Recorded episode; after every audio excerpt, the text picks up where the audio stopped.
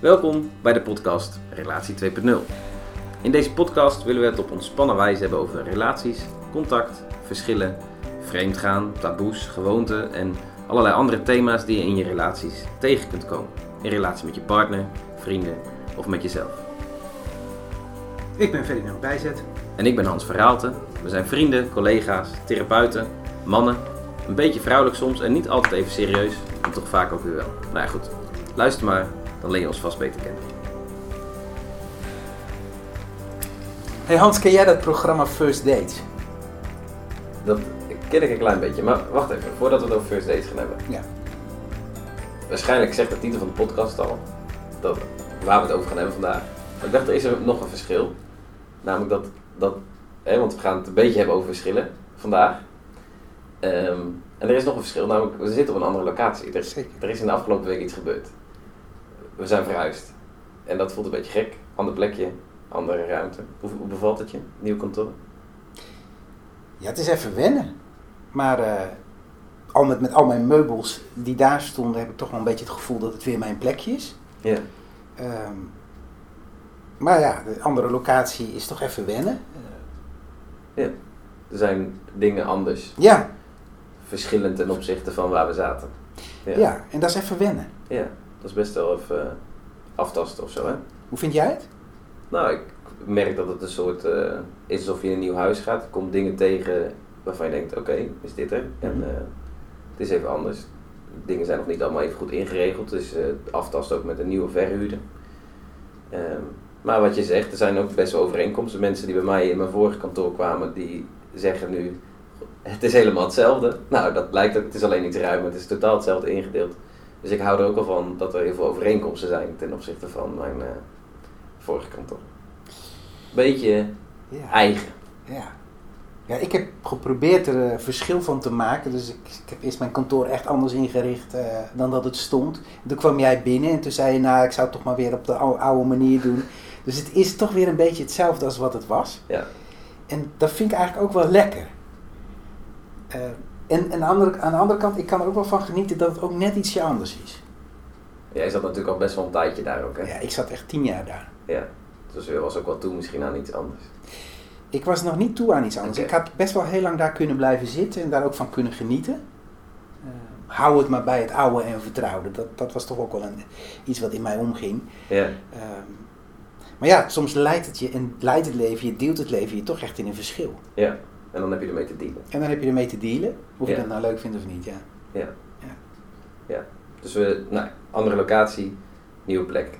Maar wel een nieuwe een podcast in dezelfde serie. ja, Ook nog een beetje nieuw, zo voelt het. Dat één gehad. we hebben er één opgenomen. Ja. Ja. Eh, we zijn ook toen al wat begonnen hè, met het thema verschil, autonomie, verbondenheid. Dat je vaak Ja. toch ook iemand uitzoekt die wat anders is dan jij. En nou ja, het leek ons wel goed om daar ook nog wat meer over eh, uit te wijden. Hè, over verschillen, overeenkomsten. Ja. Vandaar dat ik dus die vraag stelde van first dates. Ja. Nou, ik moet heel eerlijk zeggen, ik kijk, eh, ik kijk bijna geen televisie. Maar ehm, ik, ik heb er persiflages over gezien. eh, en ik heb het eigen programma ook een keer gezien, volgens mij. ehm, eh, nou ja, ik heb er een beetje een beeld bij dat twee vreemde mensen volgens mij daar op, op een eerste date hebben met wat lekker eten. En eerst aan een bar zitten en een jas mogen Ja. inleveren of zo. Dat is mijn beeld erbij. Maar vertel er eens over. Ja, ik vind dat een superleuk programma om te kijken, samen met mijn kinderen eh, vooral. Ehm, mijn kinderen zeggen, pap, dit is zo'n programma waar je overal commentaar op mag hebben. Ehm, en er worden twee mensen die dan worden of geven zichzelf op of worden opgegeven. En dan geven ze aan waar ze een beetje naar op zoek zijn in iemand. iemand maar ze geven dus volgens mij ook aan wat hun interesses zijn, eh, wat ze leuk vinden. En op basis dan van die, van die interesselijsten en hun voorkeuren worden ze gematcht aan elkaar. En dan krijg je dan zo'n beetje zo'n ongemakkelijk moment en dan moeten ze gaan praten en dan gaan ze aan zo'n tafeltje zitten. Dat vind ik altijd dan leuk en dan, dan, dan zie je binnen de kortste keren over gaat het klikken of niet. Hè. Dat, dat vind ik ook altijd leuk om te zien, om te gaan voorspellen van, eh, nou, blijft het bij één date of wordt het er meer? Maar het, het, in het nadenken over deze podcast, toen, toen bleef ik hangen bij wat er heel vaak gebeurt, is dat iemand dan gaat vertellen, ja, ik hou heel erg van honden. En dat die andere zegt, joh, ja, ja, ik ook. Ik ben ook echt een dierenliefhebber. Hè. Of, of ja, ik ben echt van het sporten. Ja, ik ook. En die mensen die vinden elkaar dan enorm op die op die overeenkomsten. Eh, heel veel gelijke interesses. En toch, heel veel van die mensen die, die houden toch bij één date. Ook wel mooi dat ze echt ontzettend verrast zijn. Terwijl er gewoon iemand op kantoor waarschijnlijk heeft gedacht: hondenliefhebber, hondenliefhebber, match. Match, Op. ja, precies. Houd van paarden, houd Ja. van paarden, ja. Ja. Dat, zo gebeurt het. Maar ze zijn wel verrast nog dat ze, dat ze dus Ja. blijkbaar het overeenkomst hebben. Precies. Ja. En ik vond dat wel grappig in, want ik gaf laatst les. En eh, toen hadden we het ook over relaties. En daar hadden we een, een voorbeeld van een stel. En die hadden best wel veel overeenkomsten. En dat meerdere mensen uit die groep zeiden: Wat lijkt het me heerlijk als we zoveel overeenkomsten hebben. Want wij zijn zo verschillend. En toen dacht ik: Joh, eh, welkom in de echte wereld. Hè? Maar dat deed me wel nadenken over: ja, hoe zit dat nou met, met verschil en met overeenkomst? En ik was wel heel benieuwd, toen jij, toen jij ging daten met, eh, met Sanne, ja. was jij bezig met verschil of was je bezig met overeenkomst? Nou, ehm, heel eerlijk gezegd, wij hebben 14 jaar geleden elkaar ontmoet, Ja. dus het is best een tijdje terug. En het moment van daten ehm, was niet lang. Oké. We hebben elkaar ontmoet. Twee weken later hadden we verkering. We waren allebei 17. Zo jong en eh, onschuldig als we waren. Nee, ehm, nou, wat ik wel weet is dat, ja, ik, ik kan me wel herinneren dat we op zoek waren naar, hey, we hebben gezamenlijke interesses. En eh, zij kwam van een boerderij en dat ik dacht, oh, ik vond vroeger een boerderij ook tof. En, ehm, eh, en met name het geloof eh, hadden we dan een ge- gemene deler in. Ehm, maar we leerden elkaar kennen op een voorbereidingsweekend voor een reis naar Oekraïne om eh, daar een werkvakantie te hebben. Dus dat was sowieso al een gemene delen dat we allebei hard hadden voor andere mensen. En dat is. eh, eh, nou, daar, dus inderdaad, ja, we waren op zoek naar overeenkomsten. Ja. Maar het liep ook al wel snel tegen verschillen aan, heel eerlijk gezegd. Hm. Ja. En jij? Ja, ik denk dat wij, dat ik in ieder geval heel erg op zoek was ook naar, naar overeenkomsten. Ik herken dat geloof. Oh ja, we herkennen elkaar in. We, denken er ook een beetje hetzelfde over. Ehm, nou, we, s- ik, ik vond ook, ja, we staan een beetje hetzelfde in het leven. Eh, we vinden dezelfde dingen belangrijk. En ik merkte dat ik dat, dat heel prettig vond. Dat, dat er zoveel gezamenlijkheid was. En dat het verschil ook best wel even spannend was. Ja. Het is grappig, want terwijl je dit vertelt, ik luister. Ja. Maar ik bedenk me ineens, we hadden al een enorm eh, overeenkomst. Ik zat in mijn examenjaar en was bezig om een, een- te kijken wat wil ik hierna doen. En dat zou een tussenjaar worden. En zij was het tussenjaar aan het doen wat ik wilde gaan volgen. En daar had ik al dus een soort overeenkomst waarvan ik dacht, hé, wat grappig, wij hebben een soort van dezelfde interesse, dezelfde...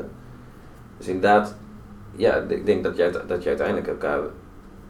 Maar ja, ik denk dat het ook wel logisch is dat je elkaar vindt op de dingen die overeenkomstig zijn. Omdat je als je alleen maar verschillen ziet, dan ben je al snel afgehaakt, denk ik toch? Ja.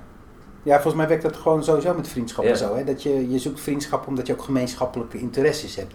Dat je gemeenschappelijke idealen hebt. Hè? Dus, dus vriendschappen bouw je op rond mensen die nou, dezelfde dingen belangrijk vinden. De overeenkomsten. Nou, een vriendschap voor je leven, een relatie begint daar ook. Ja.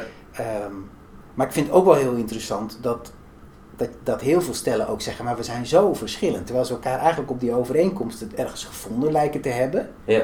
Ehm, en, en dan pas later gaan die verschillen spelen. En ehm, dat houdt mij ook wel bezig. Hè? Hoe zit dat dan? Hè? Ehm, en, en volgens mij lopen heel veel stellen ook vast om, op het moment dat ze dus ook die verschillen in een relatie tegenkomen. En daar dan mee moeten, moeten dealen en, en daar dan een weg in vinden. Ja. Nou, even een heel klein zijspoortje. Wat ik sowieso opvallend vind, hè, je had het net over televisie kijken. Maar ik denk dat heel veel mensen die televisie kijken, dat ons brein dan automatisch naar BN'ers aan het kijken is. Of naar mensen die ook in zo'n programma meedoen. En dat direct ons brein soort aan afstemmen is, hé, wat vind ik van die ander? Wat zijn onze overeenkomsten? Wat lijk ik op die ander of wat niet? Of dat je juist voelt, zo, wat is die verschillend? Daar heb ik helemaal niks mee. Maar dat ik ook denk dat er juist de, de, dingen, de aantrekkingskracht bij heel veel mensen zit in dat ze iets, een verschil hebben waarvan je zelf denkt, oh, maar dat zou ik ook wel willen hebben. Ja. En ik denk dat dat ook zo werkt in relaties. Dus dat je de neiging hebt om eh, ook wel de verschillen te zien, maar vooral de mooie kant van de verschillen. En de- dat je steeds meer, hoe verder de relatie loopt, gaat voelen, hé, maar wacht even, het is leuk dat jij dat verschil hebt, maar er zit ook een nadelige kant aan die ik eigenlijk helemaal niet zo tof vind. Ja. Ja.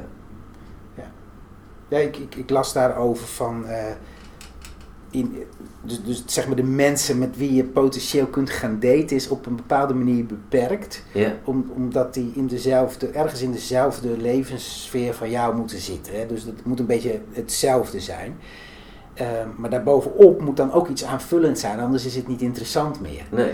Dus, dus we zoeken naast overeenkomsten natuurlijk ook altijd naar iets wat aanvullend is. Daar hadden we het de vorige keer ook over. Hè? Dat als je je Ja. autonomie moet, ontwik- hè, moet ontwikkelen, is iemand die heel autonoom is ook ergens een aanvulling op je waar je wat van kan leren.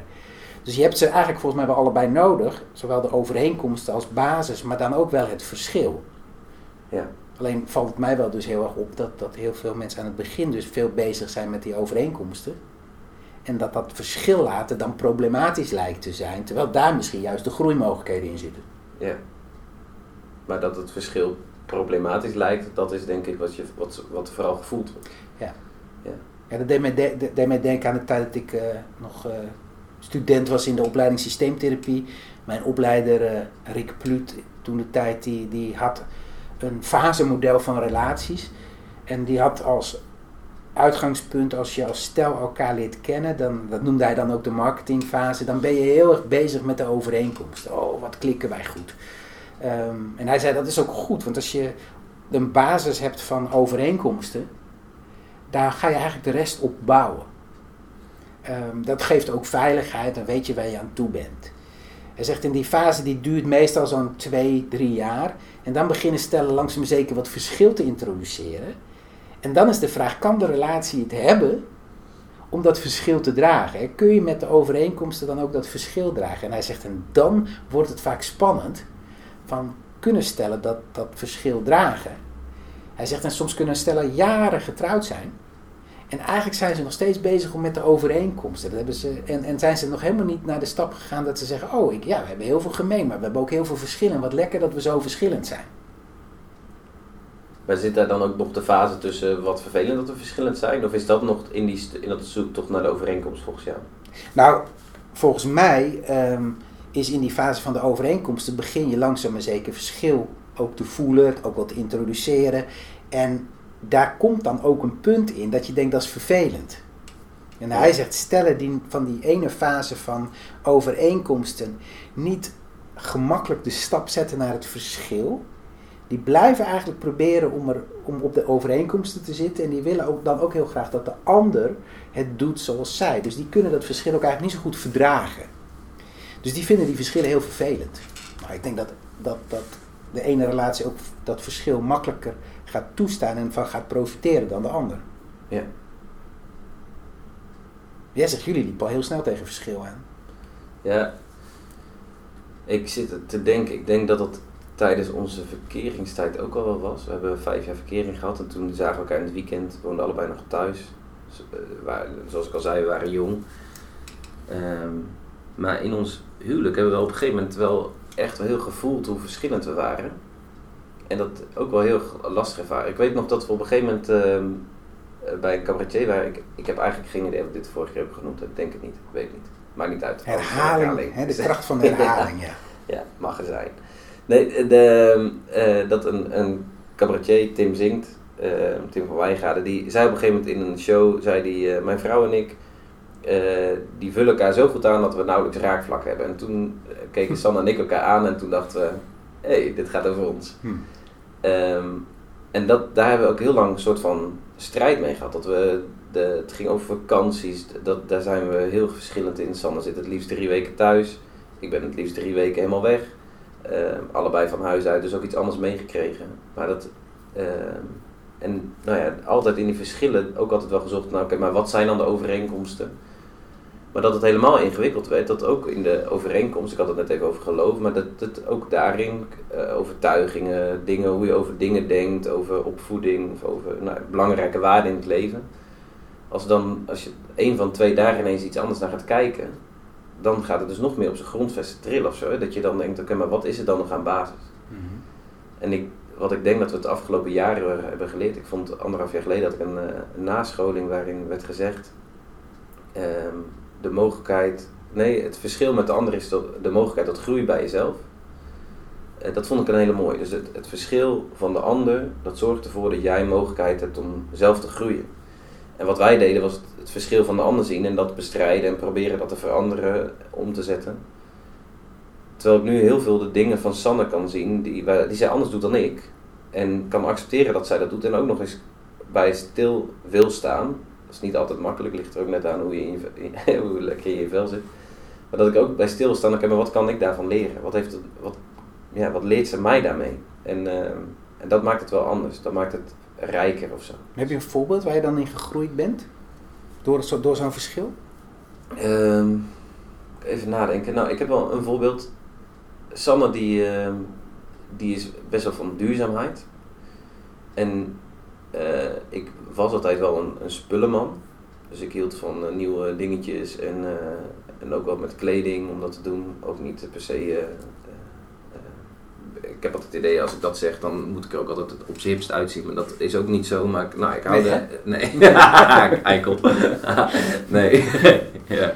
Oké. Nee, maar die... Uh, um... Je weet dat dit ook gewoon in de podcast komt. Ja, zeker. Ja. Maar dat mag ook. Dat mag ook. Want je bent ook gewoon... Uh, nee. Um, niet al te serieus, Tom. Nee, nee. Nee, dat hoeft ook niet. Um, maar wat ik nou wil zeggen, want je haalt mij mijn verhaal, is dat ik dus heel vaak dacht dan liep ik over straat en dan zag ik vrouwen in de nieuwste mode. En toen dacht ik, oh man, was Sanne maar meer zoals dat. Hè? Deze maar uh, elke week shoppen. Nou, daar kan ik ook wel dingen bij bedenken dat, dat mijn uh, rekening dat ook niet heel fijn vindt en dat er allemaal nadelen aan zitten. Maar heel vaak als ik dat dan zag, dacht ik, oh, was Sanne maar meer zoals zij.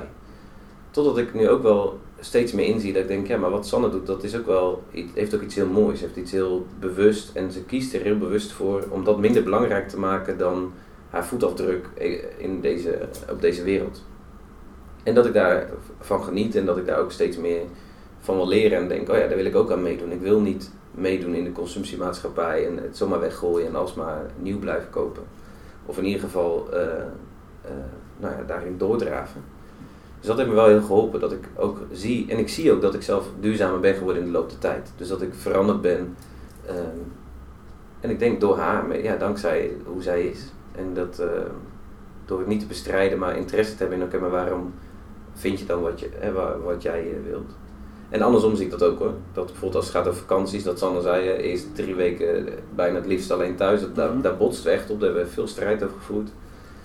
Terwijl Sander nu ook zegt, nee, ik vind het ook heel leuk om op vakantie te gaan met jou en met de kinderen en samen weg te zijn. en dat betekent nog steeds dat er verschil is in de bestemming of hoe dan. Uh, maar wel ook dat zij dat is echt gaan waarderen en uh, van is gaan houden. Dus in die zin groei je ook wel steeds meer naar elkaar toe. Maar ik wil er ook, het, doel is niet meer om gelijk te worden of hetzelfde te worden. Um, maar zien dat de verschillen ook oké okay zijn en dat dat ook acceptabel is ofzo. Maar dat is, ook, dat is niet altijd makkelijk. Nee. nee, als we dat naar de praktijk brengen, ik, ik weet niet hoe jij dat dan ervaart in jouw gesprekskamer hier naast mij. Ja. Um, maar ik zie toch echt veel stellen die uh, eindeloos in strijd zitten. Uh, omdat ze eigenlijk willen en vinden dat die ander het net zo moet doen. Ja. Ik, ik hoorde laatst nog zo'n voorbeeld van een, iemand die, die, ja, die was toch wel vaak bang en angstig. En, en, en dan, ja, die partner die wil dat, dat graag opgelost hebben. En dat moet dan maar op deze manier. Ja, dat gaat dus niet, want we zijn verschillend. En dat kunnen accepteren, dat, dat zie ik dat stellen heel lastig vinden nog zo'n voorbeeld van een, uh, van een cliënt die, uh, ja, die vond zelf eigenlijk dat, dat sociale leven super belangrijk. Ja, en haar klacht was dat haar man zo weinig sociale contacten had en er zo weinig op uitging. En daar bleef ze maar over ja, klagen. Want ze vond eigenlijk, ja, dat, dat moet toch wel en dat moet je ook samen vinden. Maar hij was eigenlijk gewoon iemand die het heerlijk vond om thuis te zitten. Um, maar zij vond eigenlijk van, ja, maar, maar, maar belangrijk is dat we dat toch samen erop uittrekken. Ze vond het eigenlijk ook heel lastig dat ze er dan alleen op uit moest trekken. En hij vond het dan weer lastig dat hij haar teleur moest stellen. Ja, dan zie je twee mensen die, waar verschil komt. Ja, en kun je dat dan verdragen met elkaar? Ik vond die uitspraak van Bob Resnick uh, over het probleem van de meeste relaties. Dat, uh, uh, ik denk dat ik hem de vorige keer ook zei. Two become one and then there is none dat dat het probleem van de meeste relaties is. Hè? Van twee worden één. En voor je het weet, dan, dan vervlecht dat zo samen en dan wil je het zo graag op je eigen manier hebben, dat dan de eigenheid verdwijnt.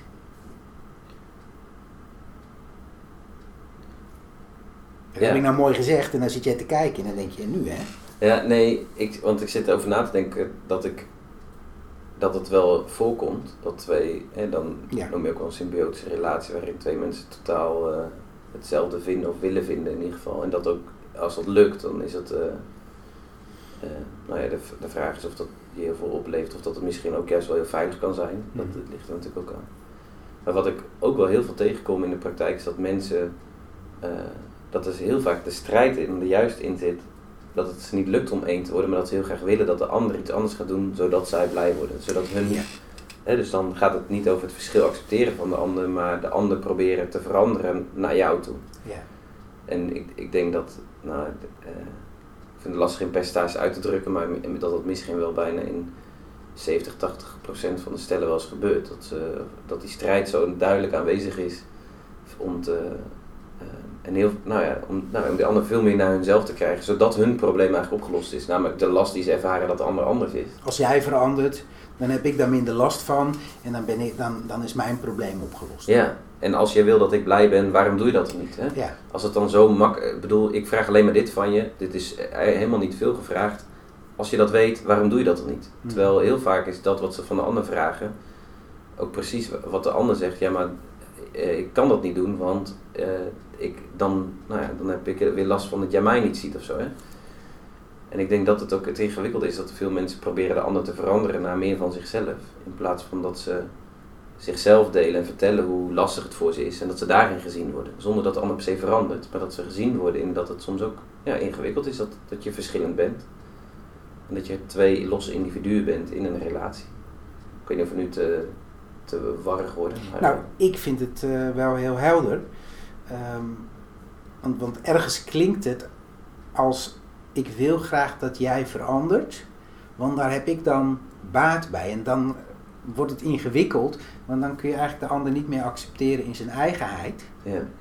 En volgens mij wordt liefde op het moment dat dat zo is ook wat voorwaardelijk. Ja. En ik denk ook dat de, de maatschappij, als je kijkt naar films, als je kijkt naar romans, ehm, dat eindigt bijna altijd op een moment dat ze elkaar gevonden hebben, dat ze helemaal blij zijn en dat ze zoveel samen overeenkomst hebben en oh, wat zullen ze een fijn leven hebben. Ja.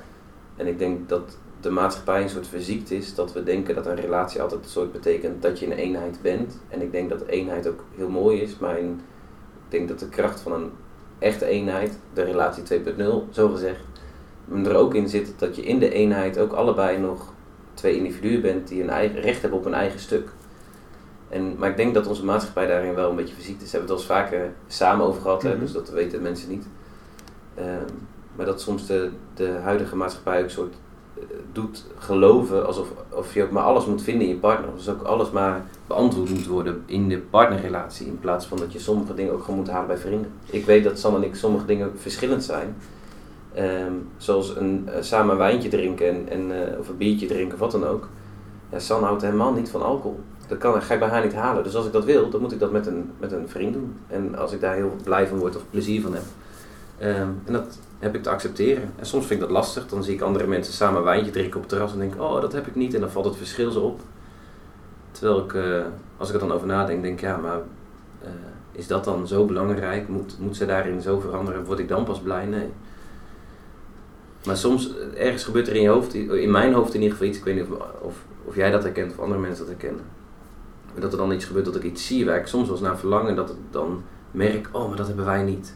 En dat dat zoveel energie soms zuigt als je daar de aandacht op legt. Maar ik denk dat het ook een prima verlangen is om te zeggen, oh dat zou ook fijn zijn. Ja, Alleen de vraag is of je in je partnerrelatie dat, aan, dat je alles aan elkaar kan bieden. Ik denk, hè, je, je zegt het heel mooi. Volgens mij hebben we ook een soort ideaal gecreëerd waarin een, in een partnerrelatie misschien ook wel overvraagd wordt. ja, Ehm, en, en dat je een hele hoop er kunt halen en een deel dus ook gewoon niet. En dat dat nog niet betekent dat het dus een slechte relatie is. Maar met dat je gaat vergelijken met anderen en je denkt ik heb dat wijntje niet. Ja, dan, dan, dan eh, ja, word je zuur misschien of teleurgesteld. Terwijl als je gaat kijken, ja, wij zijn twee verschillende personen, we ontmoeten elkaar en dat is fijn, er zit genoeg connectie. Ja, en dat is ook uniek. Daar kun je ook niet een blauwdruk op leggen van zo hoort het. Nee. Nee. En ik moet nog ook nog denken, want je zei net hoe, hoe is het in de praktijk. Wij werken relatief veel met mensen waar een ontrouw plaatsvindt in de, in de relatie. En ik denk dat ook een, een deel van mensen die vreemd gaan, dat een deel is dat ze een verschil ervaren met de partner. En, en waar ik het net over had, dat je dus ergens anders naar kijkt en denkt, oh dat zou ik wel willen. En dat er dan ineens iemand langskomt fietsen die dat in huis heeft of dat aanbiedt. Een, hoeft niet, ja, dat kan best wel een specifiek iets zijn. Waar mensen dan op aangaan en zich enorm in gezien voelen, omdat dat dan eindelijk een uh, ruimte krijgt om het te mogen zijn. Met een ander dan wel, maar eh, zo. Nou ja, we gaan het uh, op een, in een latere podcast nog uitgebreid hebben over ontrouw en over herstel van vertrouwen daarin en zo. Maar, dat het, maar ook daarin ook best wel vaak verschillen zo groot worden dat, dat, je, dat een ander heel erg aantrekkelijk wordt omdat hij daarin ineens een overeenkomst heeft, denk ja. ik. Ja, en vaak al een proces was dat je dat verschil eigenlijk steeds wilde overbruggen en vond dat je partner naar jou toe moest komen. Ja. En daar raak je dan teleurgesteld in. En daar zit eigenlijk altijd al een, een, een weg vooraf aan de ander niet, eigenlijk niet helemaal accepteren zoals die is. Ja. En ik, ik las daar laatst een prachtig uh, verhaal over. Um, Don Michael Ruiz, geloof ik dat die man heet. En die had. Die had stond het, Don, maar het zal wel Don met het een... is Don. Don, ja, ja. Don Michael Ruiz. En die uh, meesterschap in liefde. Hij heeft een prachtig boekje geschreven. En hij zei: Liefde is vrij. En hij zegt: de meeste relaties gaan over angst. Maar hij zei: echte liefde is vrij. En dat betekent dat je vanuit die vrijheid de ander ook accepteert zoals die is. En toen zei hij, wat zou echte liefde zijn? Hij zei, dan zou je met je partner, zou je die net zo accepteren als je bijvoorbeeld een hond hebt. Dat, dat klinkt een beetje plastisch of, raar misschien, maar hij zegt, als je een hond hebt of een huisdier, dan accepteer je dat beestje zoals die is. Ja, die hoef je niet te veranderen. En een hond accepteert jou ook zoals je bent. Dus als jij een rotdag hebt gehad en je komt thuis, dan vraagt dat hondje om aandacht. En dan doe je zagrijnig. Ja, en dan gaat het hondje maar iets anders doen. En die neemt je dat niet echt kwalijk, zegt hij. Ja, die accepteert jou zoals je bent en jij accepteert die hond zoals je bent. Dat is vrij. Hij zegt, en, en als je dan kijkt naar relaties, dan zijn we vaak zo bezig met, met die ander moet veranderen. Die moet het op mijn manier doen, waarbij we het verschil van die ander eigenlijk niet accepteren. Dat moet anders. Waarmee die hele relatie eigenlijk onvoorwaardelijk wordt en we steeds meer vanuit angst gaan handelen. En dan komt er een hele grote onvrijheid in de relatie. Ja. En zijn idee is, en dat, uh, daar heb ik best wel veel over nagedacht de laatste tijd, dat je in een relatie eigenlijk vanuit liefde de ander moet zien zoals die is, niet moet willen veranderen. Dus dat verschil ook niet naar jou toe moet willen trekken of van jouw kant naar die ander toe moeten gaan. Maar je zegt van ja, wij zijn twee vrije mensen met ieder onze eigen dingen en wij ontmoeten elkaar. En vandaar dat als we elkaar daarin kunnen ontmoeten, ja, fantastisch. Zo niet, ja, dan, heb ik, dan kunnen we het erover hebben, hè, zoals jij het erover kan hebben om een uh, wijntje te gaan, hebben, uh, gaan drinken. Maar ja, als dat niet is wat erin zit, dan zit dat er niet in. Dan is dat zoals het is. Ja. En vanuit die vrijheid kun je elkaar ook veel makkelijker geven dan als je het gevoel hebt dat je, dat je moet veranderen. Ja. En, en, en ik denk dat misschien daar ook wel een heel groot deel van het probleem zit. Wat je, het, de onvrijheid is niet per se altijd iets wat ontstaat in de relatie. Ik denk ook een onvrijheid door bindingsangst of verlatingsangst of een vorm daarvan. Want anders klinkt het meteen zo heel groot, maar ik denk dat we misschien allemaal wel ergens een soort van iets van die twee meemaken. Uh, of een neiging hebben naar een van de twee. Maar dat, dat daarmee al een soort vrijheid beperkt is door hoe we opgevoed zijn, wat we meekrijgen in onze jeugd. Waardoor we ook een relatie al zo instappen. Het zou bijna een, uh, apart onderwerp kunnen zijn, verlatingsangst en bindingsangst. Maar dus het is ook heel moeilijk om, of er zijn veel vrouwen die geneigd zijn om de verschillen met een man maar te accepteren en erachteraan te lopen als een hondje. Mm -hmm. um, terwijl ze zich eigenlijk helemaal niet vrij voelen en dat kunnen accepteren, maar vooral omdat ze heel bang zijn dat als ze het niet doen, dat de ander weggaat. Ja. En, en aan de andere kant Maar ook, dan zeg je eigenlijk dat zij niet kunnen zijn zoals zij zijn. Nee, omdat ze dus bang zijn dat als ze kiezen voor, joh maar dit doe ik gewoon anders, dus heb je het mee te dealen, ja, dan zijn ze als de dood dat die ander weggaat. Of, of dat je zegt, joh maar ik wil, want ehm, de groei van, om de groei te zien bij jezelf, dat je dus zelfverandering geeft. Ja, dat is ook lastig, want ga je veranderen naar de ander terwijl je bang bent om je te binden aan die ander, ja, dan is het veel makkelijker om vast te houden aan je eigen veiligheid door te blijven doen wat je altijd doet. Want dat heeft je al heel lang veiligheid gegeven. Dus ik denk ook een deel van wat we doen in een relatie is al begonnen voordat we überhaupt die relatie instapt. Ja. Alleen proberen we het met elkaar uit te vechten en daar de veiligheid die we zelf gecreëerd hebben of die we zo graag willen, de vrijheid ook wellicht, die proberen we te bevechten in de relatie en dan wordt het ook wel eens ingewikkeld. Ja, dus, dus eigenlijk wat wij zeggen is dat, dat het fijn is als er overeenkomsten zijn. Dat het reëel is dat er ook gewoon verschillen zijn. Daar zoek je elkaar ergens ook op uit. Ja, En dat je die verschillen, daar mag je over hebben. Dat, je kunt, hè, dat is ook wat we graag willen. Daar willen we stellen ook graag bij helpen. Heb het over die verschillen. Maar dat heel veel verschillen ook gewoon niet, niet helemaal te overbruggen zijn. En dat het ook zijn charme heeft. En dat liefde denk ik ook is dat je die verschillen gaat accepteren. ja, En dat de moeilijkheid van het accepteren van die dingen vaak zit in wat we al meegekregen hebben, omdat dat ook angst oproept. ja, Dus als ik die, die, die ander maar accepteer zoals die is, ja, wat gebeurt er dan? Dat, is- dat is eigenlijk vrijheid geven. En als ik dus zelf ga zijn wie ik ben, dat is ook eng, want accepteert die ander me dan wel? ja, En daardoor denk ik dat heel veel stellen elkaar toch onbewust in een soort wurggreep houden. Ja, Waarbij ze on- onuitgesproken verwachtingen hebben, waarbij verschil er eigenlijk niet mag zijn, uit angst. ja, En juist die angst, die moet je wel willen tackelen en onder ogen zien. Om te zien van ja, maar als we uit angst steeds, steeds op elkaar reageren, dat is niet heel vrij. nee, Ook niet echt, dus ook denk ik niet echt liefde. nee. Terwijl het wel voelt als liefde. En vaak gaan dan mensen, ehm, nou niet generaliserend bedoeld, maar het zijn vaak vrouwen die die manier kiezen om dan met verwijten te komen. En mannen die eh, juist vluchten en uit het contact gaan, even heel generaliserend. kennen ze ook uitgezonderd. andersom. Ja, absoluut. Ehm, ja, maar dat, dat dat nog de manier is om te kijken of dan die verbinding er is. Terwijl ik denk, de kunst zit hem erin om je, je verlangen uit te spreken en de pijn te delen van dat verschillen ook soms pijnlijk zijn. En dat met elkaar te accepteren en daarin elkaar te zien. Ehm, maar goed, dat is niet makkelijk en daar heb je soms ook een ander bij nodig. En ik vind het heel tof dat wij daarin eh, eh, mensen eh, woorden mogen geven die ze zelf moeilijk kunnen vinden Mhm. als ze erin vastgelopen zijn. Maar ik denk dat je dat ook thuis kan proberen. Door gewoon de dingen uit te spreken. Joh, dit is mijn verlangen met jou, ik zou dit zo heel graag willen. En als je dat niet wil, dan wil ik erover mogen rouwen. En ook, nou ja, hoop ik dat je me accepteert dat ik anders ben dan jij. Zoiets. Ja, klinkt als een enorme stap. Ja. Ja.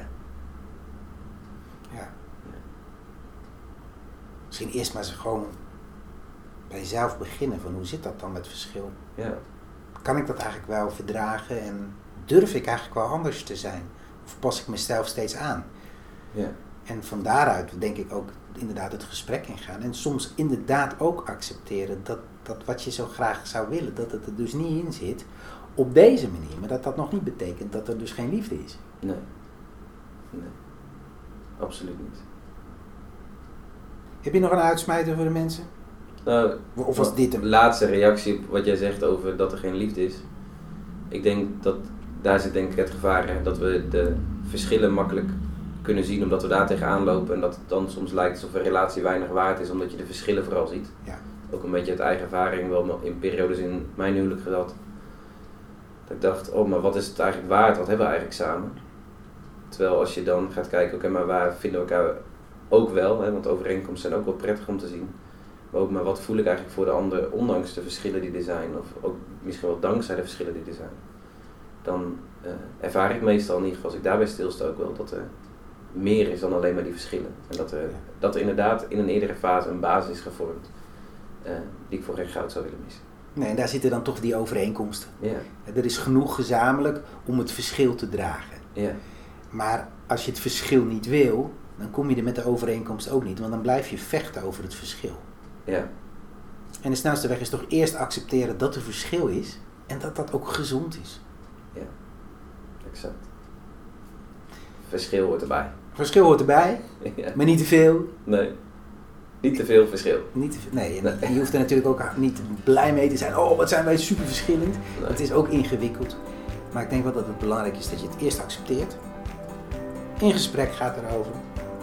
En ook accepteert als je daarin verschillend blijft. En dat ook de- dan ook de uitdaging zoeken. Ja. Nou, Ja. ik denk dat dit voor vandaag echt meer dan genoeg is. Ja. Ik hoop dat we, dat, dat we te volgen zijn. Maar dat eh, als livestream twee keer. Zeker. Ja. En als je het niet met ons eens bent, is dat ook een prachtig verschil. Ook prima. Dat is ook prima. Mag. Nou, bedankt voor het luisteren. Ja,